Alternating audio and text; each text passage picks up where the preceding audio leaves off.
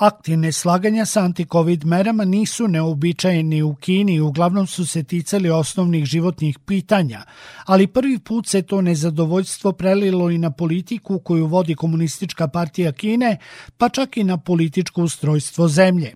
Široko rasprostranjeno odbijanje vladinih mera i nulte COVID tolerancije preraslo je u druge zahteve, od onih za više slobode do poziva Siju i komunističkoj partiji da odstupe.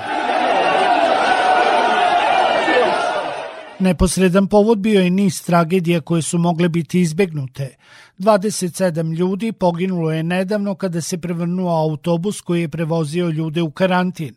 Oko 100 ljudi je stradalo u septembru u zemljotresu nakon kojeg su društvene mreže preplavili snimci ljudi koji očajnički pokušavaju da pobegnu iz zakatančenih zgrada – Situacija je kulminirala prošlonedeljnim požarom u Urumčiju, u kojem je 10 osoba stradalo zbog toga što su vrata njihovih stanova bila sa spoljne strane zabarakadirana, a izlazi za slučaj opasnosti zaključani. Snimci tragedije kao i nemogućnosti vatrogasnog vozila da zbog uličnih prepreka priđe paklenom tornju nikog nisu ostavili ravnodušni. Ovo je predaleko, da li su svesni da voda ne dopire do zgrade?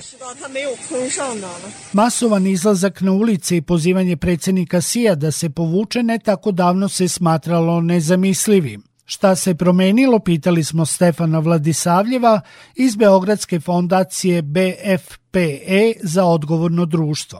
I činjenica je da se veliki deo sveta u određenoj meri oslobodio različitih mera kojim su pokušali da suzbiju posledice COVID-19, dok su oni u Kini i dalje na veoma visokom nivou da onemogućuju normalan život i normalno funkcionisanje kineskog stanovništva i da su u jednoj značajnoj meri ostavile posledice i na kinesku ekonomiju, što smo videli po tome da planirane projekcije rasta, privrednog rasta Narodne Republike Kine nisu ispunile očekivanja planova koje je Komunistička partija Kine postavila.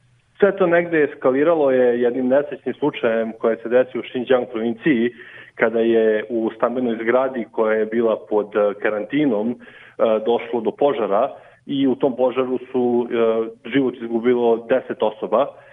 To je bio negde povod za eskalaciju nezadovoljstva, za izlazak ljudi na ulice ne samo u policiji Xinjiang, već u celoj Kini i za iskazivanje nezadovoljstva koje je pored poruka koje se tiču politike nule covid takođe uticalo i na to da se iskažu nezadovoljstva poput e, cenzure, medija, ali i interneta, zatim nekih e, nižih nivoa političkih sloboda, ali i da se e, sporadično čuju poruke koje pozivaju na e, silazak Xi Jinpinga sa vlasti i negde e, na e, ograničavanje moći komunističke partije Kine, što ipak u političkom sistemu i u ovom trenutku u kome se Kina nalazi nije baš e, realno za očekivati, ali jeste zaista uh, simptomatično da smo imali prilike da čujemo i takve poruke uh, od strane demonstranata koje iskazuju svoje nezadovoljstvo na ulicama uh, u gradova širom Kine. Vlada u Pekingu drastično je pocenila rastuće nezadovoljstvo prema pristupu nula covid -a. Za građane je to postao gorući problem. Samo popuštanjem mera možemo se vratiti normalnom životu. U suprotnom će sve da stane. Koliko ljudi ima ušteđevinu da bi preživljavalo, ako i dalje sve bude stajalo. Čak i da imaju dovoljno novca, to nije život. Više je kao hvatanje poslednjeg daha. Vlada u Pekingu ipak ne odustaje. Potvrdio je to nakon dva dana protesta visoki vladin zvaničnik Zhao Li Jian.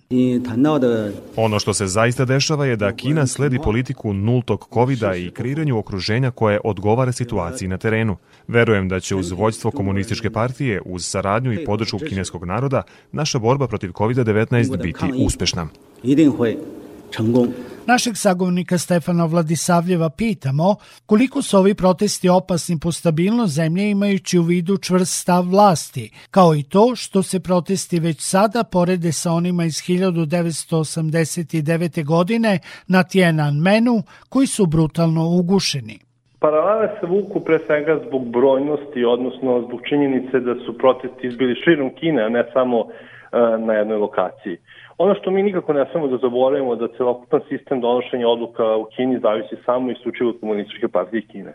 Dakle, ne postoji razlog zbog koga bi broj ljudi na ulicama uticao e, na neku konkretnu promenu, osim ako kineska komunistička partija ne proceni da je to nešto što se mora uraditi kako bi se sačuvala, e, kako bi se sačuvala sama komunistička partija Kine. Mi smo videli da je odgovor na ove proteste bio snažan. Mi sada već imamo izveštaje koji ukazuju na to da su protesti e, u određenoj meri sada uh, uminuli, odnosno da polako jenjavaju, ali ne zbog toga što je negde razrešeno nezadovoljstvo građana, odnosno stanovnika Kine, već zbog toga što je Kineska komunistička partija poslala veliki broj policijskih snaga na ulice i takođe ono što rade jeste ograničavaju mogućnost širenja informacija van granica Kine, ali je de facto to da je međunarodna zajednica vrlo zainteresovana na sve ono što se dešava, zbog toga što je Kina država i sila koja se gleda kao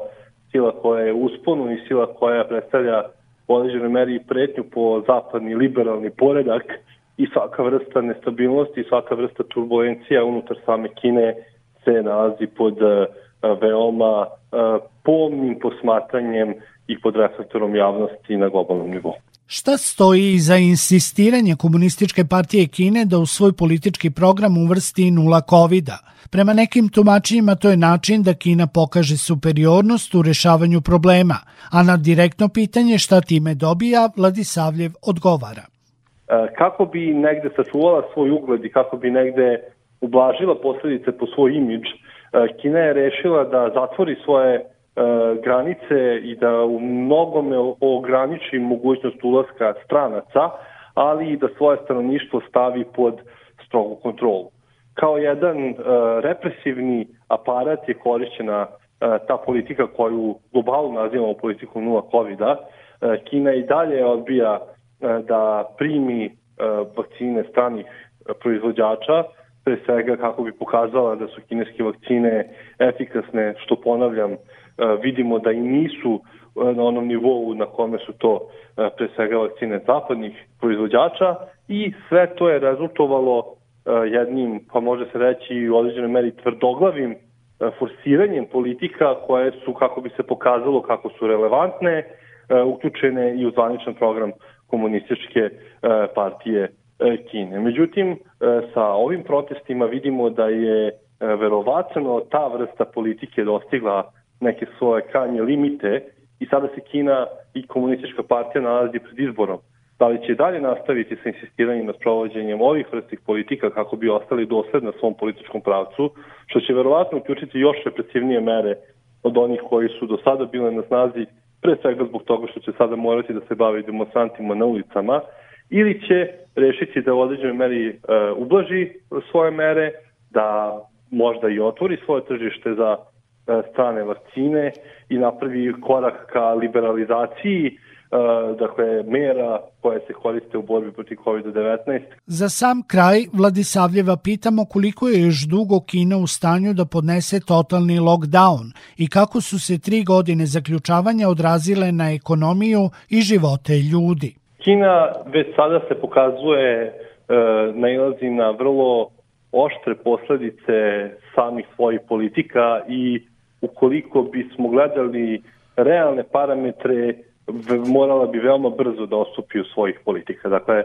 sada, ukoliko svedočimo da se ovakva vrsta politika nastavi, to će pre svega biti politička odluka, a ne odluka koja je zasnovana na e, ekonomskim parametrima. Glavni ekonomski parametar jeste taj da je došlo do usporavanja rasta kineske privrede, projektovani e, rast nije u onoj meri uh, ispunjen s obzirom na politike koje se sprovode u borbi protiv covid -a.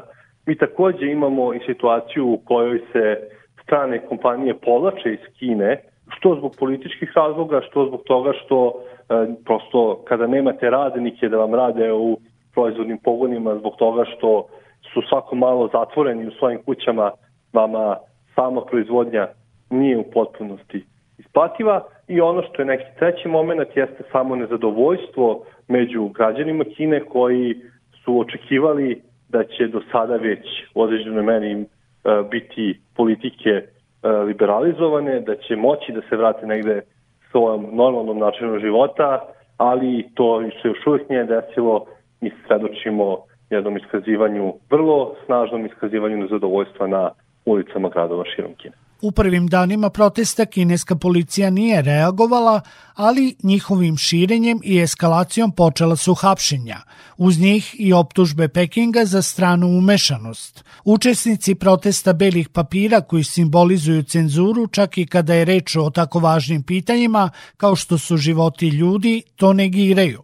Odgovor je stigao iz Wuhana, mesta izbijanja pandemije odakle građani poručuju. Sve je počelo u Wuhanu, u Wuhanu će i završiti. Sektor Plus. Svet sa naslovnice.